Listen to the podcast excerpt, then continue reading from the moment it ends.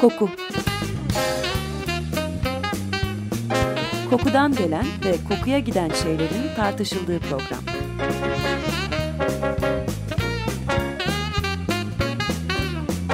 Hazırlayan ve sunan Vedat Ozan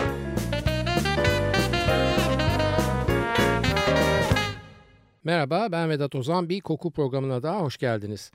1994 yılında Avrupa Birliği birlik kapsamında gıda yönetmeliği üzerine çalışırken ve standartları tespit ederken sıra neyin çikolata olarak adlandırılabileceğine geliyor. Bu aşamada Belçika, Fransa ve Almanya diyorlar ki arkadaşlar %50'nin altında kakao içeren hiçbir gıdaya çikolata demeyelim. Ancak %50'nin üzerinde kakao içerenleri gönül rahatlığıyla çikolata diye isimlendirelim ve bunu da bir kural haline getirelim. Fakat İngiltere buna itiraz ediyor. Neden? Çünkü İngiltere İngiltere'de Avrupa'nın ilk büyük çikolata üreticilerinden biri olan Cadbury var ve Cadbury'nin çikolata ismi altında sattığı pek çok şekerlemede %10'un bile altına düşüyor bu kakao oranı. Başta gerçek çikolatacılar kazanacak gibi görünürken son anda Almanya taraf değiştiriyor ve beraber yola çıktığı dostlarına küçük bir kazık atarak İngiltere'nin safına geçiyor. Aylarca müzakereler yapılıyor. Bu müzakereler karşılıklı tehditler ve restleşmelere sahne oluyor ve sonunda İngiltere ve Almanya'nın Almanya'nın olduğu tarafın baskısıyla yeni düzenleme gerçekleşiyor. Almanya'nın bu taraf değiştirmesi olayında ülke içindeki büyük Alman sütlü çikolata şekerlemecilerinin ve Avrupa Birliği'nde olmamasına rağmen çikolata dünyasındaki egemenliği tartışmasız olan İsviçre'nin Almanya üzerinde yaptığı baskının da katkısı olduğu söyleniyor. Bu olaya son çikolata savaşı deniyor ve savaş dediğim gibi Cadbury ve Alman destekli İngiltere'nin zaferiyle sonuçlanıyor. Yeni duruma göre de içinde içinde %1 kakao bile olsa o şekerlemenin isminde çikolata kelimesi geçebiliyor. Ancak bir küçük rahatlatıcı nokta var. O da üreticilere getirilen yeni bir zorunluluk. Bu zorunluluğa göre isminde çikolata kelimesi geçen her şekerlemenin paketinde ürünün içindeki kakao miktarının yazılması mecburi. Tabi tüketici de bazen akıllı olabildiği için hemen yüksek oranda kakao içeren şekerlemelere hücum ediyor ve bunu da üreticilerin karşı hamlesi cevaplıyor. İçinde makul ve cazip oranlarda kakao bulunduran marka ve çeşitler bu oranı dev puntolarla paketin ön yüzünde duyururken kakaosu düşük çikolatalı şekerleme üretenler paketlerin ön yüzünde orandan falan hiç bahsetmeyip Arka tarafta gözlüksüz zor okunabilecek büyüklükteki harflerin eline bırakıyorlar paketin içindeki kakao oranı bilgisini. Biraz geriye dönelim. Geçen hafta bahsetmiştik. Kakao çekirdekleri hem içecek hem de para birimi olarak kullanıldıkları Orta ve Güney Amerika'dan İspanyolların kıtayı keşif ve işgalleri sonucu eski kıtaya yani Avrupa'ya ve özellikle İspanya'ya gelmişti. Hatta bu gelişle beraber daha Avrupa damağına uygun olarak bir takım değişikliklere uğramıştı ve tatlanarak sıcak içilmeye başlanmıştı. Elbette Avrupalı bu içecek için kendi alet, edevat ve etiketini geliştiriyor nefis çikolata fincanları, o fincanlardaki çikolataları köpürtmek için birbirinden güzel molinilyolar yani köpürtme kaşıkları ve bu içeceği fincanlara dökmek veya hanımların beylerin masalarına servis edebilmek için zarif sürahiler yani şokolatiyeler geliştiriyorlar. Bir an için şöyle düşünelim mi? Size biri gelip kahve yedim mi veya çay yedim mi diye sorsa ne kadar anlamsız gelir ama eminim 200 yıl öncesinde yaşayan insanlara da çikolata yer misin sorusu aynı anlamsızlıkta geliyordu ve onlar çikolatalarını keyifle içmeye devam ediyorlardı. Efendim 1828 yılında Konrad van Houten diye bir Hollandalı kakaonun içindeki yağı ve katıyı ayırabilen bir pres icat ediyor. Bu şekilde yağ ayrı bir yana alınıyor. Kalan kakao tozu da bu kez su yerine sütle karıştırılmaya başlanıyor. Sütün sebebi alınan yağın yerine az da olsa biraz yağlı bir sıvı koyarak bu eksikliğin bir nebze de olsa fark edilmesinin önüne geçmek. Çünkü kakaonun yağı çikolatanın içinden aşırılıp başka alanlarda kullanılmak üzere farklı pazarlara satılmaya başlanıyor ve zavallı çikolatanın da yağ aşırıldıktan sonra kuru kuruya kalmaması lazım tabii ki. Tabii kakaodan çıkarılan yağ %54'lerde katılan sütün içindeki yağsa en fazla %3'lerde olduğu için ilave başka yağlı malzemede olması gereken kakao yağının yerine konularak durum kurtarılmaya çalışılıyor. Bundan tam 20 yıl sonra da Joseph Fry isimli bir girişimci kendi dev çikolata fabrikasında bu aşırılan yağın küçük de olsa bir kısmını tekrar kakao tozuna ilave etmenin bir yolunu bularak kalıpla şekil verilebilen bir hale getiriyor ve bizim bugün bildiğimiz çikolataya benzer ilk katı şekerlemeyi pazara sunuyor. 1875 yılında da iki İsviçreli Daniel Peter ve Henri Nestle çikolataya katılan sütü bebeklere mama olsun diye ürettikleri tatlandırılmış süt tozuyla değiştiriyorlar ve bu şekilde de ilk katı uzun süre bozulmayan sütlü çikolata pazara çıkmış oluyor. Bütün bu saydıklarım neden yapılıyor? Çünkü o zamana kadar çikolata hala bir zengin eğlencesi ve kitlesel tüketimi yok. Çok sevilen ve dolayısıyla çok satabilecek bir ürünü kolay erişilebilir bir hale getirmekte elbette sanayi devriminin özüne uygun bir hareket. Bu değişim ve erişilebilirlik sayesinde çikolata gerçek başlangıç noktasından lezzet ve formasyon olarak uzaklaşıyor elbette ama o kadar kusur kadı kızında da bulunur bedelini ödemeye razı olunduktan sonra o bedelde itinayla tahsil edilir. 20. yüzyılın başlarına kadar yeni dünya yani Meksika, Costa Rica ve tabi özellikle de Venezuela kakaonun esas üretildiği ve Avrupa'ya satıldığı yerler. Ancak kakaonun gerek toplanması, gerek çekirdeklerin meyveden çıkarılması, gerekse henüz demin bahsettiğim Van Horten'ın presi icat edilmediği için toz haline getirilmesi oldukça emek yoğun bir iş ve bir sürü insan lazım bunun için. Tabii bu insan ihtiyacını Orta ve Güney Amerika'dan sağlamak mümkün ancak kıtaya ayak basan İspanyollar oradaki yerlilerle savaşarak değil beraberinde getirdikleri salgın hastalıkları da ikram ederek tam anlamıyla ölümü taşıdıkları için oradaki yerliler bu işler için sayıca yeterli olmuyor. Ne yapar bu durumda aklı başında uygar bir Avrupalı? Doğru bildiniz Afrika'dan köleler getirilmeye başlanıyor. Gemiler dolusu ve yarısı daha yollarda telef olan Afrikalı siyah insanlar bu sayede kakao üretimiyle tanışıyorlar. Ancak Afrika ve kakaonun kaderlerinin kesişmesi bu köle işçi olayıyla sınırlı kalmıyor. Demiştim geçen hafta bu alanda İspanyolların kıtayı keşfeden ve çikolata içeceğiyle ilk tanışan olmaları sebebiyle bir ayrıcalık ve üstünlükleri var. Her ne kadar bir süre sonra hala bir zengin içeceği olan çikolata İspanya dışındaki ülkelerde de beğeniyle karşılansa ve hemen alkollü içeceklerin yerine neredeyse kutsal bir içecek olarak baş köşeye yerleşse de bu kakao ticareti İspanyolların tekelinde. Dönemin diğer emperyal ve sömürgeci güçleri İngilizler, Fransızlar, Portekizliler ve Hollandalılar bunu hazmedebilir ve şişkin karların sadece İspanyolların cebine girmesine göz yumabilirler mi? Hayır asla böyle bir şey olamaz.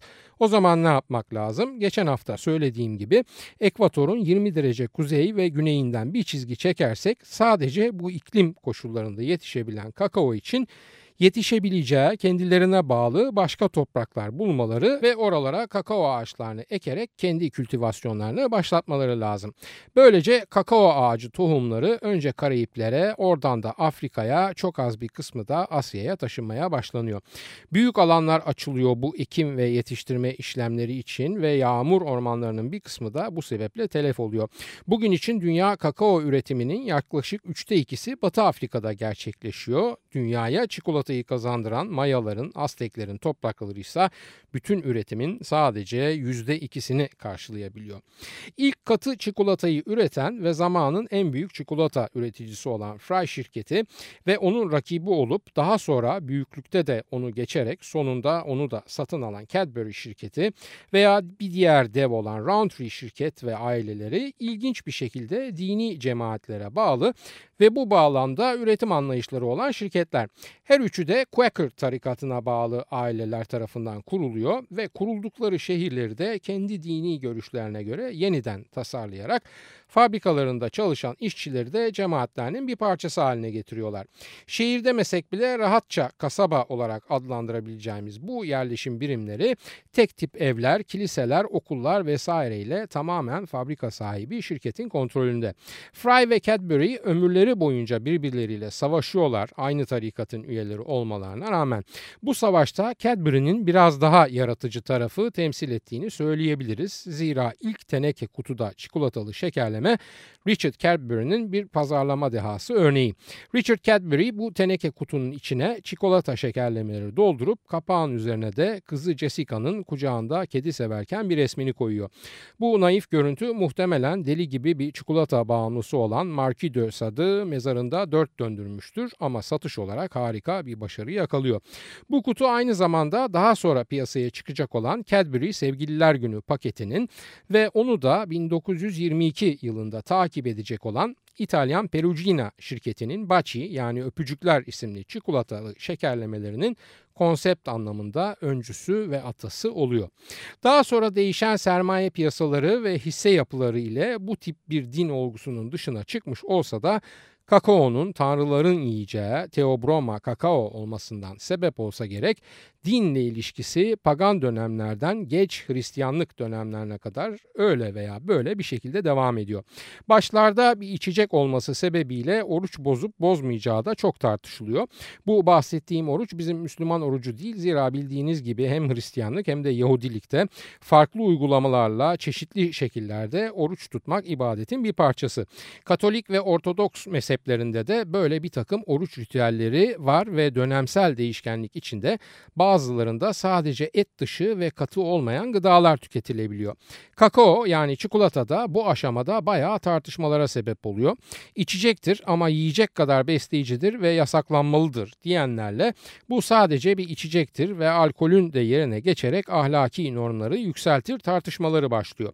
Bu tartışmalarda eli kuvvetli olan kazanıyor. Yani kakao çekirdekleri ticaretini elinde bulunduran Cizvit ve Dominikan rahipleri büyük bir gelir kaynakları olan kakao çekirdeği satışıyla oruç dönemlerinde de çikolata içilmesini Papa'nın onayından geçirerek kiliselerine gelir ve güç sağlamaya devam ediyorlar. Haklarını yemeyelim çikolatayı iç ama içine ekmek banma diye de müritlerine yol göstererek onları günahlardan uzak tutmaya çalışıyor Cizvitler. Bu kararı 1569 yılında Papa Pius V açıklıyor ve besleyici özelliklerine rağmen çikolata oruç sıralarında tüketilebilen bir içecek olarak din kayıtlarına geçiyor. Papalar sadece kırmızı Prada loaferlarını değil çikolatayı da çok seviyorlar ve Pius V'den sonra Gregory 8'den e, Benedict 14'e kadar 190 yıl boyunca her papa bu kararı onaylıyor. Hatta sadece serbest olmakla kalmayıp biraz da uhrevi bir anlam kazanıyor çikolata. Ancak bu mutluluk ve serbestlik 1774 yılında Papa Clement XIV çikolatasının içine katılan zehirle öldürülünce elbette bozuluyor. Çikolatanın içine zehir katılması saray ve din çevrelerinde gerçekleşen muhtelif entrika içinde sık rastlanan bir durum. Zira kakaonun kuvvetli bir kokusu var. İçine katılan yabancı öldürücü maddenin kokusunu rahatça bastırabiliyor. Bir kısa mola verelim müsaadenizle. Çılgın roman şarkıcı Ada Milia'dan dinliyoruz. Survive.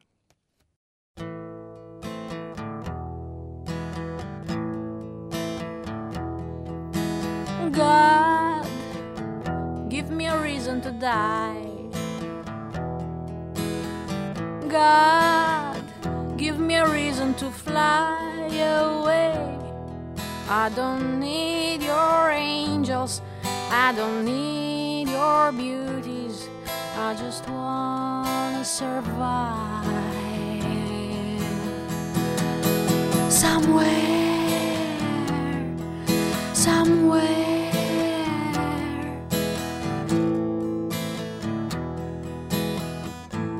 Does survive mean in this world of pain?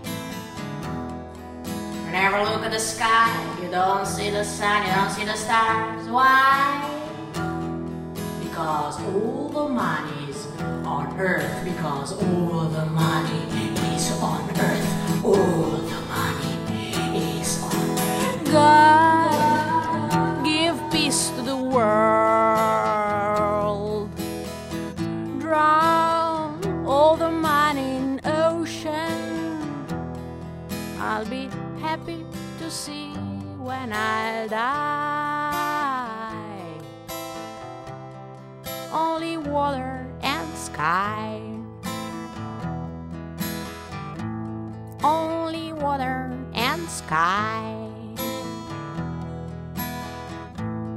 does sky mean in this heaven of pain? You don't see your friends, your parents, your dead friends. Why? Because there are too many dead people in heaven. God is generous. Must be really crushing there, believe me.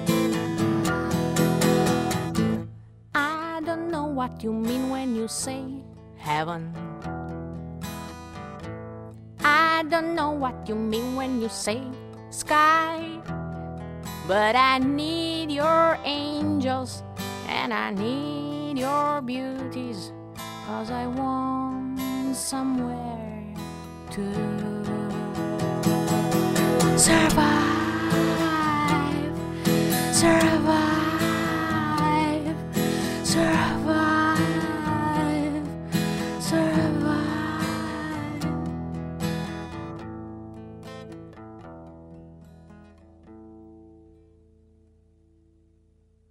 Açık Radyo 94.9 Koku programındayız. Ada Milia'dan dinledik Survive. Çikolata aslında kendi kendimizi farkında olarak veya olmayarak tedavi etmekte kullandığımız bir yiyecek. Günümüz itibariyle neredeyse tamamen katı hale dönüşmüş. Bu muhteşem besine içecek değil yiyecek dememi bütün anlattıklarım ışığında anlayışla karşılarsınız diye umuyorum. Ne demiştim? Kendi kendimizi tedavi etmekte kullanıyoruz çikolatayı. Nasıl oluyor bu? Çikolata arzusu veya açlığı duyanların çoğunun depresyonda olduğu veya depresyona girme aşamasında olduğu gibi bir gerçek var. Bu tabii ki canı her çikolata isteyen depresiftir anlamına gelmez. Ancak tatlı ve karbonhidratlı yiyecekler için açlık duyanların genelde depresyon semptomları gösterdikleri bu insanlara antidepresan verildiği zaman çikolata gibi tatlı maddelere yönelik arzularının azaldığı veya kaybolduğu biliniyor.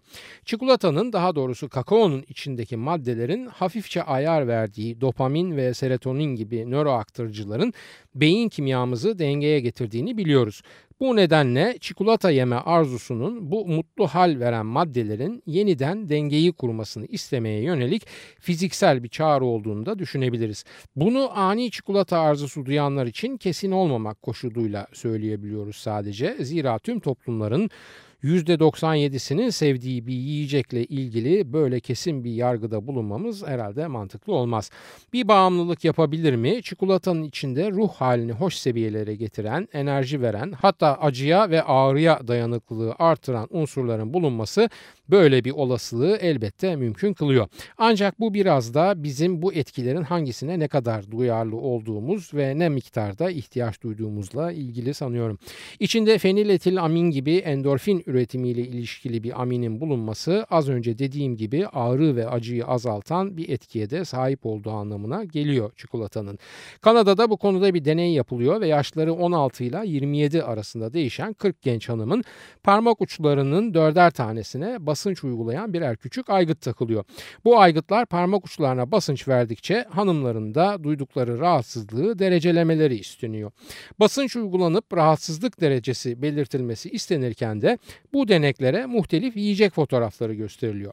Pirinç pilavı, siyah zeytin falan da içeren bu fotoğraf serisi içinde ağrıya toleransın en yüksek hissedildiği yani rahatsızlığın en az derecede dire getirildiği fotoğraf çikolata parçacıklı kurabiye fotoğrafı oluyor.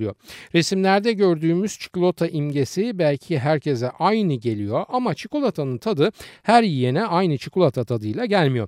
Çikolatanın tadına varma yetinizi ve seviyenizi belirleyen koku alma duyunuzun hassaslığı.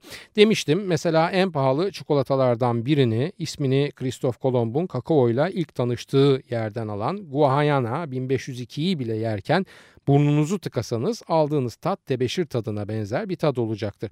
Bu açıdan baktığınızda koku duyusu yeterince kuvvetli veya açık olmayan birisiyle normal koku alan birisinin aynı çikolatadan aldığı tadın farklı olması gayet doğal. Ancak tadından bağımsız olarak çikolatanın kokusunun hedonik diyebileceğimiz ve haz veren bir yanı var ki bunu inkar etmemiz mümkün değil.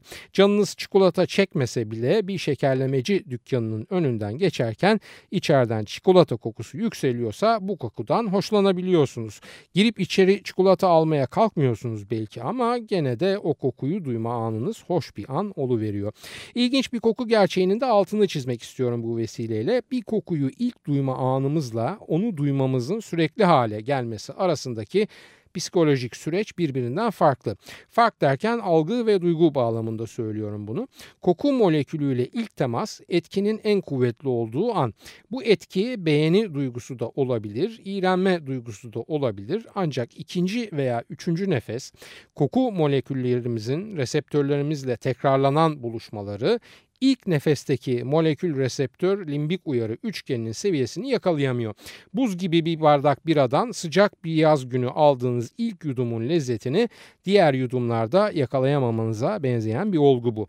Bu bağlamda koku duyusunun lezzet karışımı içinde en önemli rol üstlendiği yiyeceklerden biri olan çikolatayı yediğimizde de ağzımıza alıp çiğnediğimiz ilk parçanın lezzetine ve verdiği haz duygusuna ikinci veya üçüncü ısırdığımız parçalar noktalarda ulaşmamız olası değil. Hatta elinizdeki çikolata paketini bitirdiğinizde ilk lokmadaki hazla karşılaştırıldığında neredeyse olumsuz denebilecek bir duygu yaşamanız bile olası. Buna isterseniz içimizde mevcut bir savunma veya uyarı mekanizması da diyebilirsiniz. Bizi fazla yemekten veya doyduktan sonra bile yemekten alıkoyan.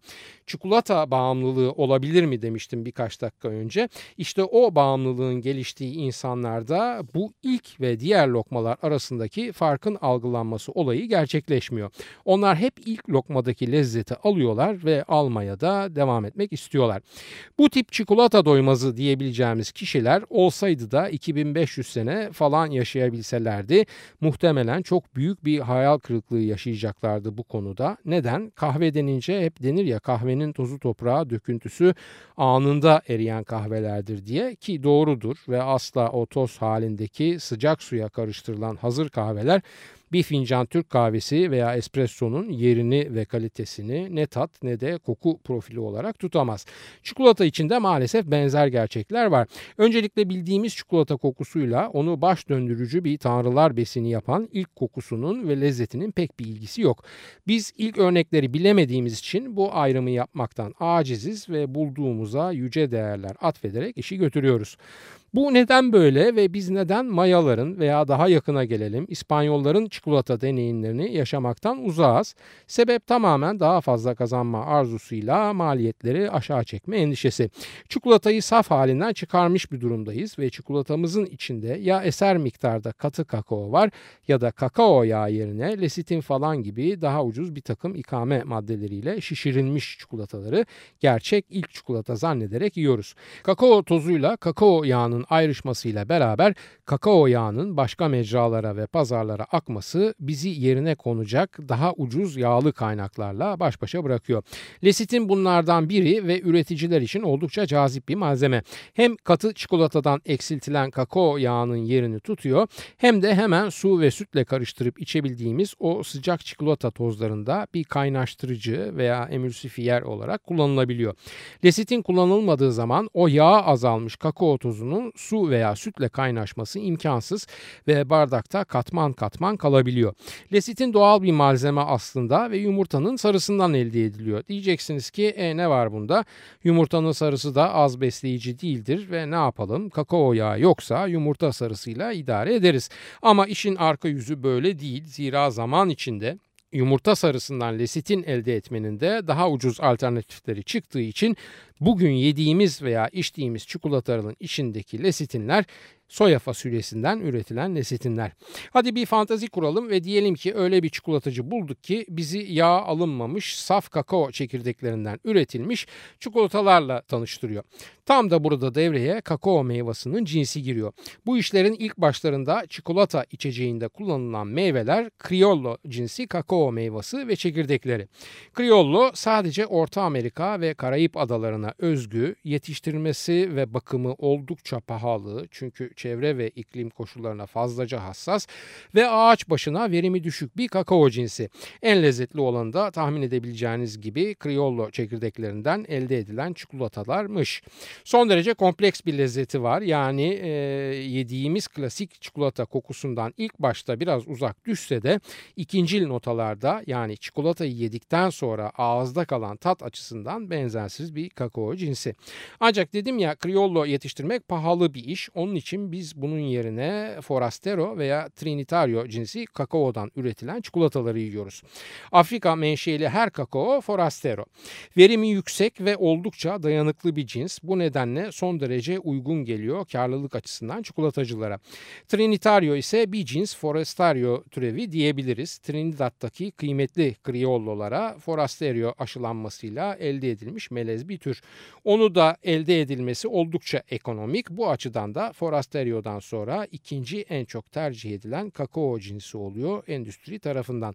Bunların ilk tadı tam alıştığımız çikolata tadında ancak ikincil notaları yani yedikten sonra ağızda bıraktıkları tat bunun için bir şey söylemeyeyim ve marketten bir paket çikolata alarak o ilk tadına değil ağzınızda bıraktığı tada bakarak siz buna karar verin.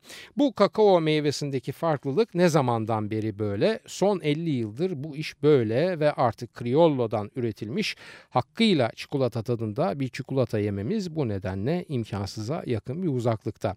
Tadını ve kokusunu geçelim. Yenebilecek en sağlıklı çikolata nasıl olmalıdır? Cevap basit. Kesinlikle koyu renkli ve bizim bitter dediğimiz içinde en az %70 veya daha fazla kakao katı maddesi olan çikolatalar zira bunların şekeri daha az ve doymuş yağ oranı oldukça düşük. Eğer bitter çikolata beni zorlar derseniz ya en az %40 kakao maddesi içeren sütlü çikolata ya da en az %30 kakao yağı içeren beyaz çikolataları bulup tüketmenizde fayda var. Çikolata paketi etiketlerindeki minicik harflerle yazılmış içerik listesinde rastlayabileceğiniz hidrojene nebati yağın yani trans yağların çikolatanın doğal haliyle hiçbir ilgisinin olmadığını, aksine sadece ve direkt olarak çikolata şirketlerinin bilançolarıyla ilgili olduğunu lütfen unutmayın efendim. İki haftadır çikolata konuşuyoruz. Bu konuya da kakaonun ve çikolatanın kokusundan girdik. Çikolatanın kokusuna değinip de görüntüsü öyküsüyle ilgili iki laf etmeden hayatta kapatmam bu bahsi müsaadenizle. Efendim Hitchcock'un meşhur Sapık veya Psycho filmini ve o meşhur duştaki bıçaklanma sahnesini hatırlayanlarınız vardır. Orijinali siyah beyaz olan 1960 yapımı bu filmdeki duş perdesinde el izi olarak gördüğünüz daha sonra da küvete akan suyla beraber girdap yaparak kaybolan kan aslında o an sette bulunan çikolata sosundan başka bir şey değil. Haftaya bir başka kokuda buluşmak üzere hepinize iyi günler dilerken soru, öneri ve eleştirileriniz için e-posta adresimizi veriyorum. kokuprogrami.yahoo.com Bu yayınımızda adı geçen konulara ilişkin görselleri her zaman olduğu gibi facebook.com Taksim Vedat Ozan Koku adresinde görebilirsiniz. Ben Vedat Ozan, radyonuz kokusuz kalmasın efendim sevgilerimle.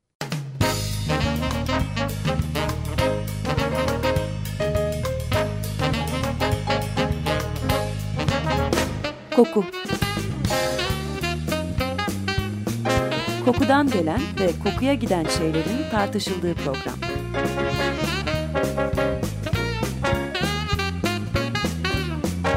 Hazırlayan ve sunan Vedat Ozan